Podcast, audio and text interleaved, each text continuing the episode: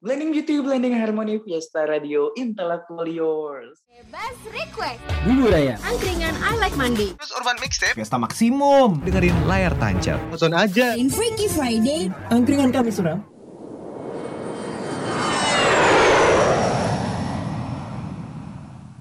Fiesta Radio Ghost to Podcast.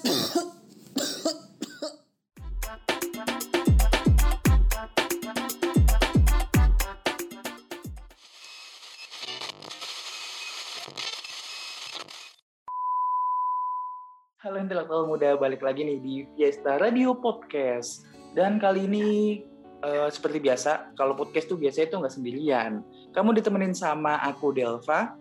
Dan juga aku sama Erina Clara di sini, pastinya di Angkringan Fiesta, nangkring di Angkringan.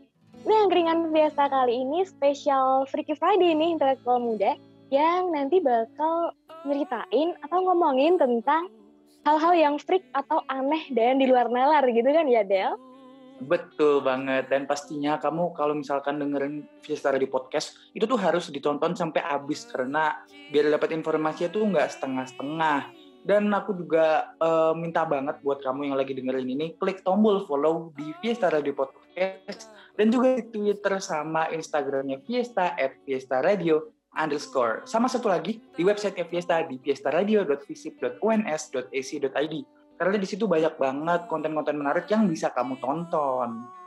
Nah, intelektual muda sama Delva nih. Sekarang kita ngomongin tentang yang freak-freak nih. Ini kita mau ngomongin tentang uang. Nah, siapa sih yang nggak tahu uang? Uang itu kan kayak tiap hari kita selalu megang uang kan ya. Kayak kita itu nggak bisa hidup nggak sih tanpa uang? Betul banget kalau kata orang-orang kaya sih, eh, uang itu nggak bisa bikin bahagia. Tapi itu bullshit sih menurutku itu tuh Iya banget. bohongan doang kalau misalkan kalau misalkan emang uang nggak bisa bikin dia bahagia, mending duit dia aja buat aku nggak sih? Bener banget bagi-bagi gitu kan ya? Betul. Dan ada nih, ada satu orang kaya yang dia tuh famous. Dia tuh mungkin bisa dibilang orang kaya paling famous di dunia. Kamu tahu nggak, Nin? Aduh, siapa tuh? Ada tuh. Dia matanya dua. Ya Uh-uh. semua semua orang matanya dua. Iya. Dia kakinya dua. Semua orang kakinya dua. Tapi dia badannya tuh merah. Aduh. Aduh, siapa sih kok merah? Orang makanya merah. Aduh, siapa tuh? Bocorin dong, Del. ada. Dia tuh punya restoran terkenal banget. Siapa lagi kalau bukan Tuan Krem. Oh ya ampun. Oh iya, uh, uh, Mr. Crab ya. Nah, kenapa tuh sama Mr. Betul. Crab? Ah, ada nih Nin, Ah, dia tuh tahu sendiri lah ya, namanya juga Tuan Crab. Dia apa ya? Kalau misalkan kita nonton SpongeBob, dia tuh pasti tergila-gila banget sama uang. Kayak apa-apa duit, apa-apa duit, apa-apa duit. Ih, Iya, mata mata duitan nggak sih dia tuh? Nah, Del, tahu nggak sih selain Mr. Crab ini tuh mata duitan, ternyata ada di salah satu episodenya SpongeBob nih ya, kalau kamu mungkin pernah nonton atau intelektual muda juga pernah nonton. Nah, si Tuan Crab ini tuh pernah ini nih mau nikahin uang kesayangannya. Aduh, itu kan freak banget tau nggak sih masa uang tapi dinikahin? Oh, oh, oh, aku juga kayak waktu itu dulu pas kecil nonton deh dia kayak eh, mau nikahin duit. aku nggak tahu sih apa sih yang ada di pikiran dia tuh apa sih sampai mau nikahin duit. Emang Mm-mm. nggak ada kepiting lain yang mau sama dia apa ya? itu kayaknya dia udah desperate banget gak sih kayak dia itu udah menjomblo selama itu dan karena kecintaannya sama duit nih jadi si Mr. Crab kayak tergila-gila gitu loh sama duit dan pas itu juga aku aku kan inget kan ya uangnya itu kayak bukan sembarang uang gitu loh Del jadi uangnya itu punya foto dan itu tuh kayak emang cantik gitu kan ya mungkin menurutnya si Mr. Crab dan uang itu tuh bisa ngomong gitu loh kayak kayak nggak bisa diterima dengan akal sehat gitu loh Ya namanya juga SpongeBob kan film Uh-uh. kartun. Ya semua semua juga nggak bisa diterima sama akal sehat. Tapi kalau udah nikahin duit, aneh banget. Ah, ini aku punya pertanyaan nih buat intelektual muda. Masih soal duit. Kamu kalau misalkan bukan nikahin duit tapi bukan nikahin duit. Kamu kalau misalkan eh, wajah kamu tuh bisa terpampang nyata di lembaran uang, itu tuh kamu mau ada di mata uang negara mana dan nominalnya berapa? Waduh, jadi kayak bikin hmm, itu ya, bikin mikir ya. Karena unik juga Oh. nggak sih? Biasanya kan uang itu fotonya itu cuman orang-orang penting kayak presiden atau mungkin ratu gitu ya. Kalau fotonya tuh foto kita, foto kita sendiri gitu kayak aneh nggak sih Del? tapi seru tahu, tapi seru tahu misalkan nih kamu lagi eh, lagi di jalanan, lagi di jalanan terus lagi naik motor, terus kamu ketilang polisi. Kamu ketilang Mm-mm. polisi dimintain SIM. Nah, itu polisinya tuh nggak percaya kalau yang ada di foto yang ada di SIM tuh kamu gara-gara kamu mukanya tuh udah berubah mungkin dulu kamu foto pas masih jelek, masih eh, masih belum masih belum bisa dandan, tapi sekarang kamu udah cantik, udah bisa dandan. Terus polisi tuh nggak percaya. Kamu kasih lihat aja tuh duit yang ada mata kamu, eh mata kamu, duit yang ada muka kamu. Polisi pasti langsung percaya deh. Nah, intelektual muda tadi kan ini nih, abis terus-terusan bahas tentang Mr. Crab yang freak nikahin ini nih, uangnya. Sekarang kita mau bahas tentang ini nih, uang termahal sama uang termurah. Aduh, gimana tuh maksudnya? Yang jadi tuh gini Jadi- intelektual muda.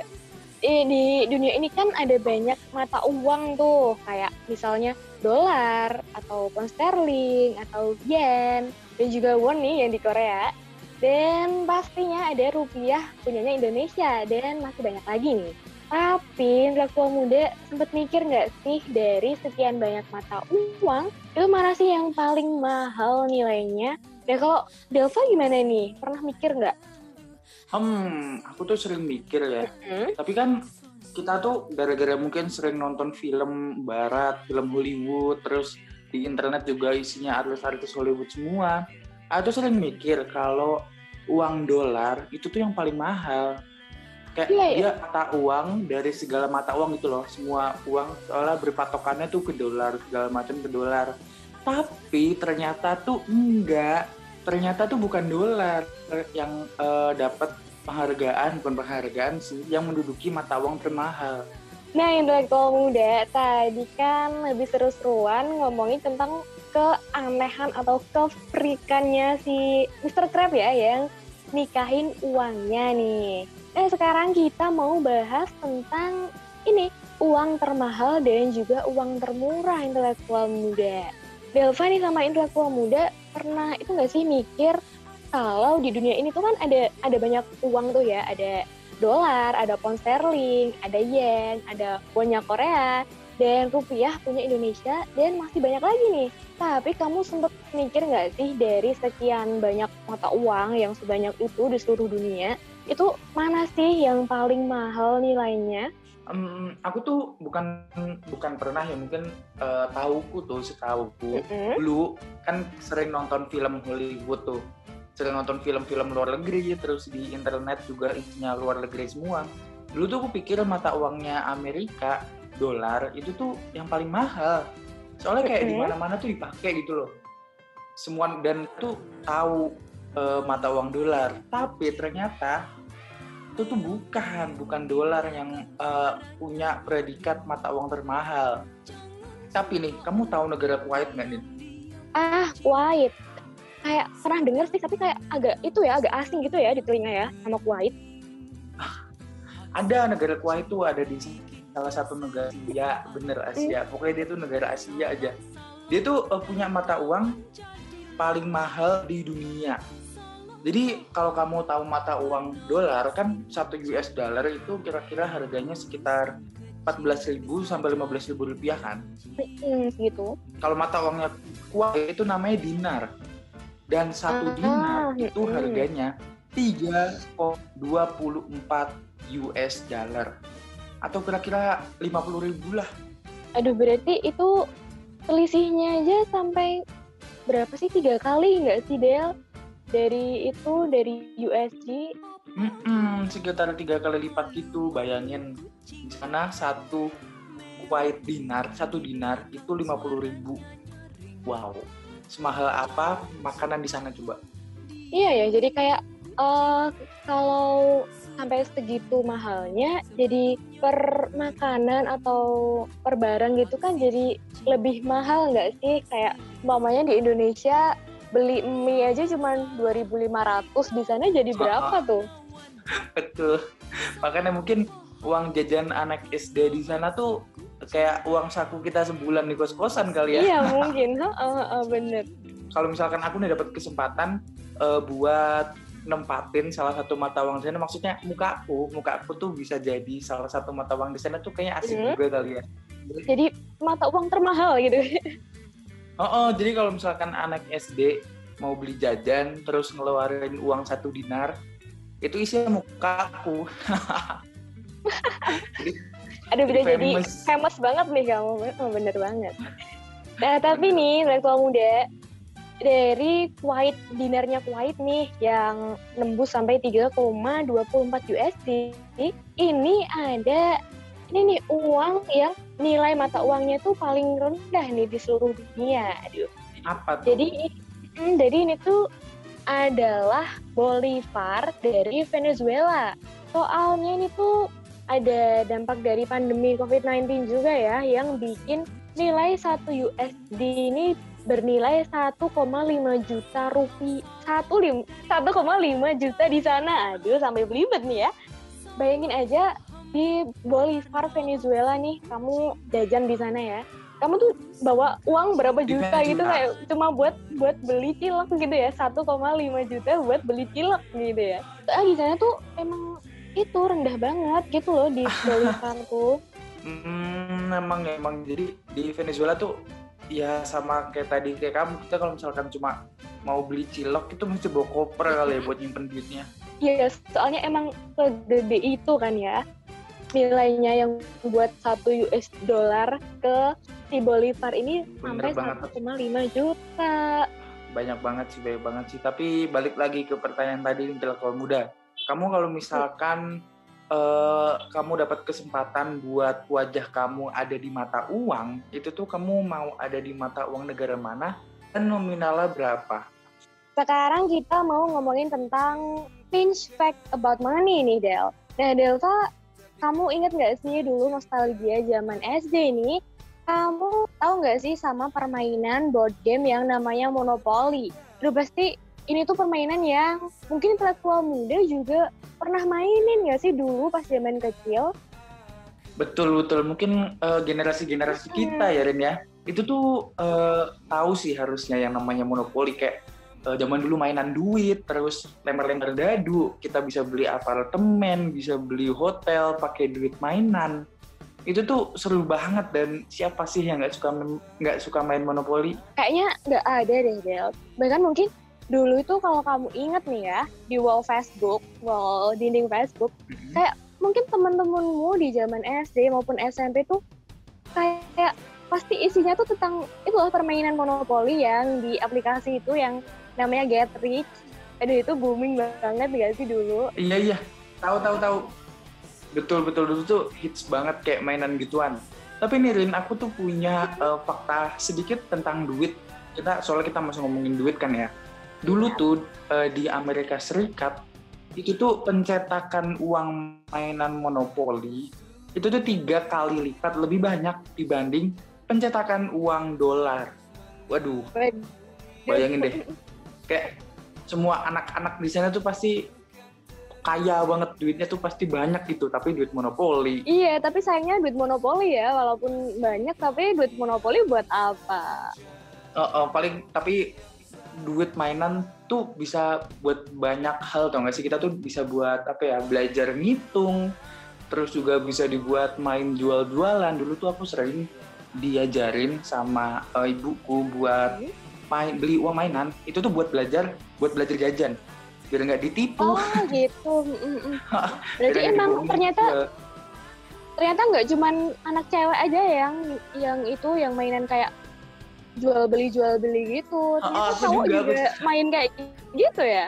Aduh, jadi buat belajar fakta fakta menarik juga nih buat aku. Betul. Buat belajar hitung-hitungan. Tapi nih Hirin, eh, ada lagi nih fakta unik tentang duit lagi. Dulu tuh di Inggris orang tuh nyimpen eh, simpenan makanan sama uang itu di pig. Itu pig tuh kayak eh, wadah gitu. Sebenarnya cuma wadah biasa buat nyimpen makanan dan duit. Tapi semakin ke sini kan pig itu sebenarnya tulisannya P Y G G. Oh, bukan pig Tapi kan babi gitu ya? Bukan, bukan, bukan. Oh, Nah, ya kita kan. Orang lain ngira itu kalau kita cuma mau ngomong pig itu kan babi kan ya. Jadi orang Hmm. itu eh, sekarang bikin babi sebagai icon celengan di sana.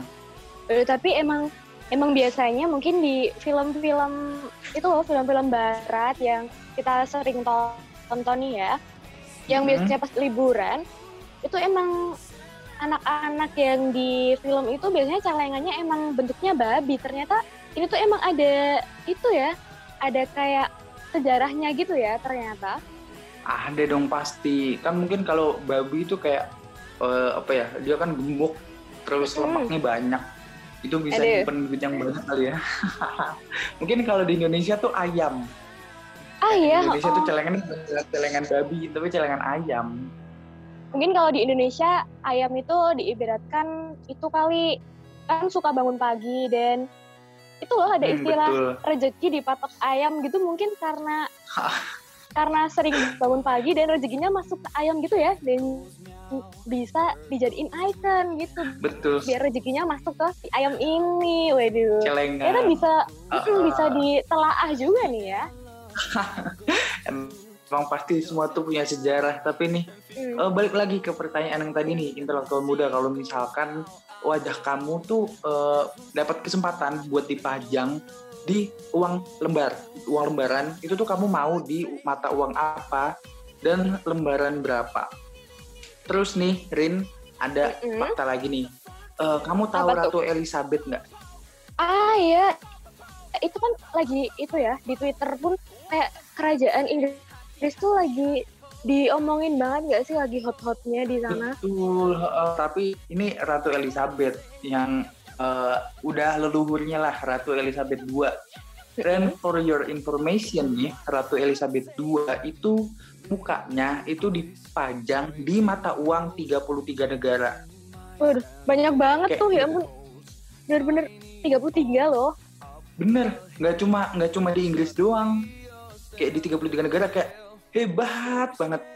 Kayak wah, kamu pengen nggak sih kalau misalkan eh, mukamu tuh dipajang di 33 negara? Aduh pengen banget, tapi nih kayak apa ya? Kamu jadi ngerasa aneh gak sih kamu diliatin semua orang dan itu jadi buat jual beli kayak ya ampun aneh banget gitu loh. Tapi kalau misalkan emang muka aku harus banget dipakai di 33 negara, mungkin aku punya request spesial kali buat yang mau majang mukaku. Itu harus kenapa tuh? dipakein filter. Aduh ya ampun. Iya ya kayak bikin jadi semua noda-noda di muka aduh ya langsung langsung hilang gitu ya langsung kita jadi percaya diri gitu ya Beda di perfect. Tapi nih, Rin ngomongin duit lagi. Eh, kamu kalau misalkan tahu dolar Bermuda, itu tuh tahu nggak dolar Bermuda? kalau dari namanya sih kayak agak nggak asing ya tapi kenapa tuh sama dolar Bermuda Jadi dolar dolar Bermuda dia tuh megang juara desain terbaik menurut International Banknote Society. Di, di pecahan pecahan 2 dolar Bermuda yang 2 dolar edisi 2009 itu tuh dia bisa menjadi banknote of the year. Kalau misalkan kamu kepo tuh bisa langsung cek aja di internet cari deh. 2 Iya, dolar mungkin- Bermuda itu tuh keren mungkin banget. itu kalau intelektual muda pengen banget buat tahu sama si dolar Bermuda ini bisa langsung dicari di internet aja ya soalnya itu pasti penjelasannya banyak banget di situ dan unik pastinya Bener banget. Nah, intelektual muda tadi kan kita udah ngebahas tentang uang-uang atau ini nih, uang yang unik banget datang dari negara lain nih, dari luar negeri. Tapi nih, intelektual muda bertanya-tanya nggak sih, di Indonesia ada nggak sih uang yang unik? Dan ternyata di sini, di Indonesia emang benar-benar ada uang yang unik. Dan mungkin intelektual muda juga itu ya masih inget ya. Soalnya ini ada uang khusus buat kemerdekaan RI yang ke-75. Itu baru banget nggak sih, Del? Kayak masih fresh from the oven baru kemarin. Bener banget kayak baru tahun 2019 kemarin itu eh, eh 2019 maksudnya tuh 2020 kemarin itu Bank Baru. Indonesia keluarin ngeluarin mata uang khusus dan limited edition edisi Rp75.000 spesial ulang tahun Republik Indonesia yang 75 intelektual muda. Kalau misalkan kamu tahu tuh Rin, rame banget itu di Twitter, di Instagram, di eh, platform-platform lainnya. Itu tuh orang-orang pada pamer kalau dia tuh dapat nominal 75.000 tapi emang keren banget sih dia. soalnya dulu itu kan pas masih istilahnya pre-order gitu ya.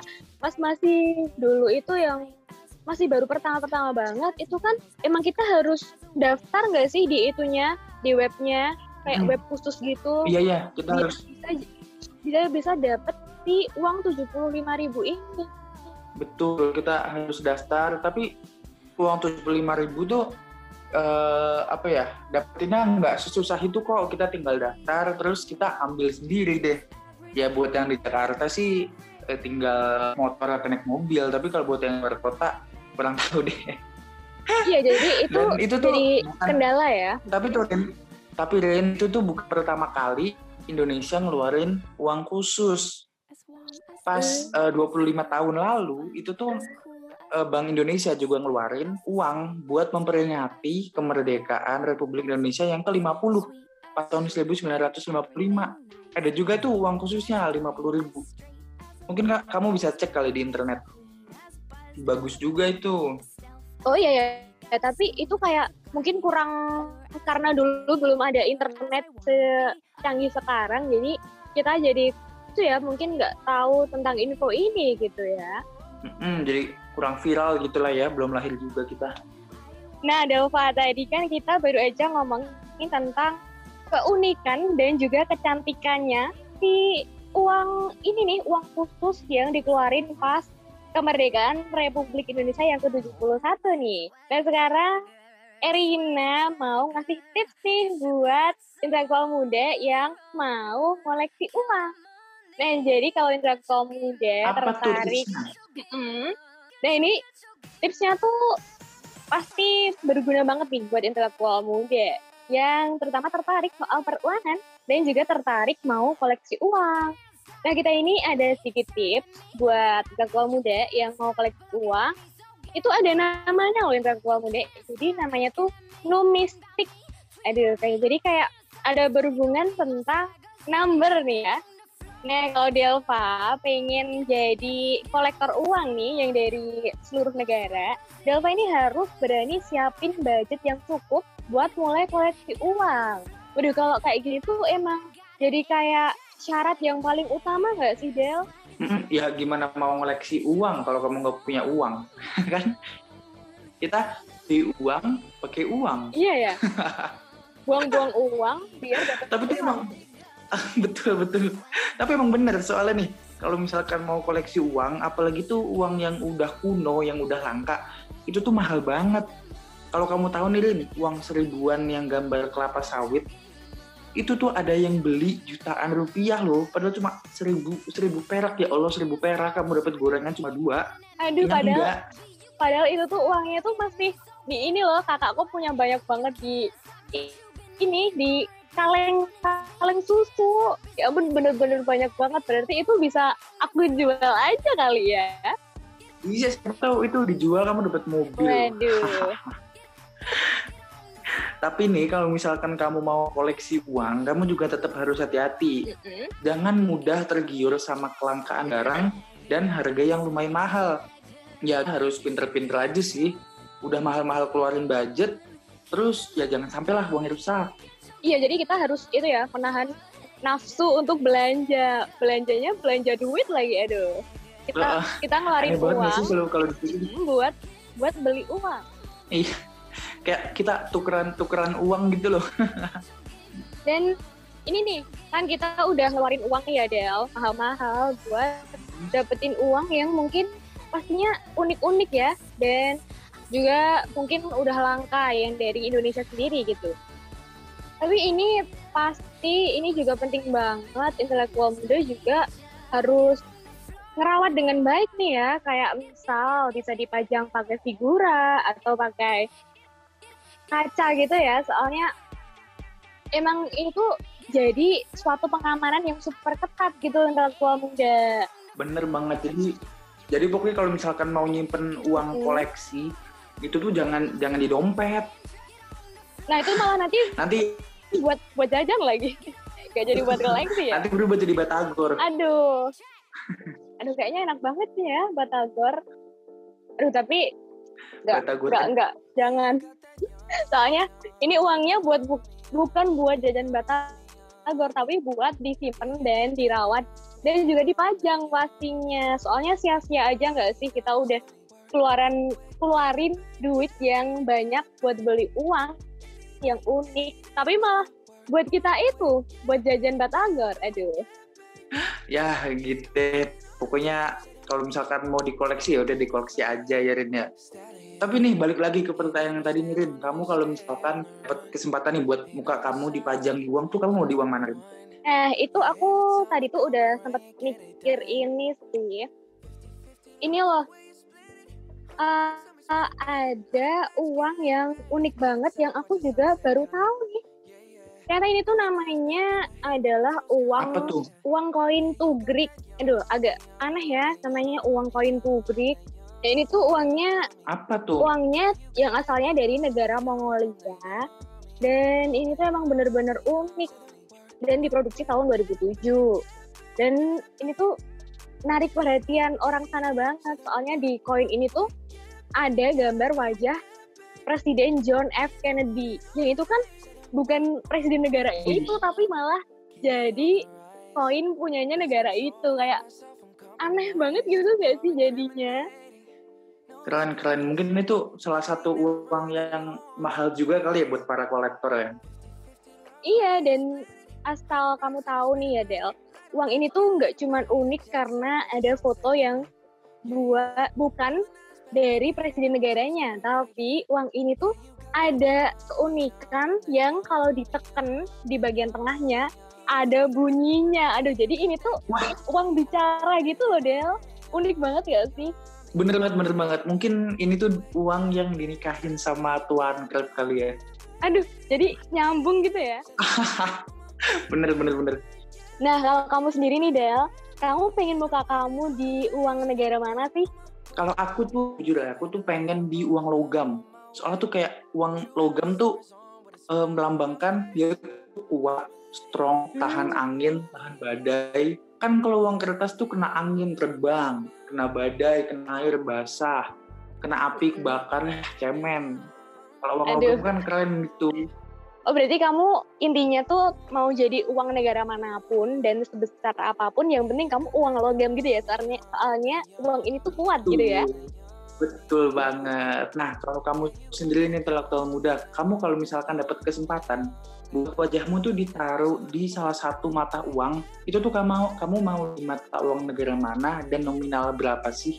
Boleh banget langsung ceritain aja di DM Instagram atau Twitternya @fiestaradio underscore. Nah intelektual muda dari tadi kan aku Delva sama ngajak intelektual muda juga pastinya udah seru-seruan ngomongin tentang yang pertama kefrikannya si ini si Tuan Crab yang nikahin ini ya nikahin uang ya dan juga ada keunikan berbagai uang dan juga di berbagai negara nih. Tapi sekarang udah waktunya Erina dan juga Delva buat pamit nih. Betul banget, thank you banget buat intelektual muda yang udah dengerin. Jangan lupa di follow Spotify-nya Fiesta Radio Podcast. Dan buat kamu yang punya kritik atau saran bisa langsung kirimin aja ke email kita di fiestaonair@gmail.com. Dan juga pastinya intelektual muda juga harus stay tune ya di podcastnya Fiesta, pastinya di Fiesta Radio Podcast langsung aja search ke ini ke Spotify gitu ya. Dan juga jangan lupa buat pantengin Instagramnya Fiesta di @fiesta_radio underscore. Nah sekarang waktunya Erina cabut. Delva juga pamit dan akhirnya dari Fiesta dengan cinta. Kita bangun Indonesia.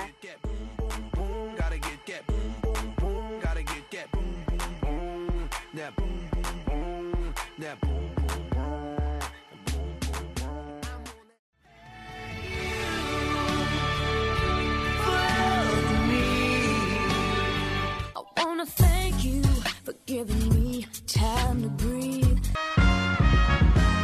Thank you, thank you. Far too kind. Thank you, India. Thank you, Providence.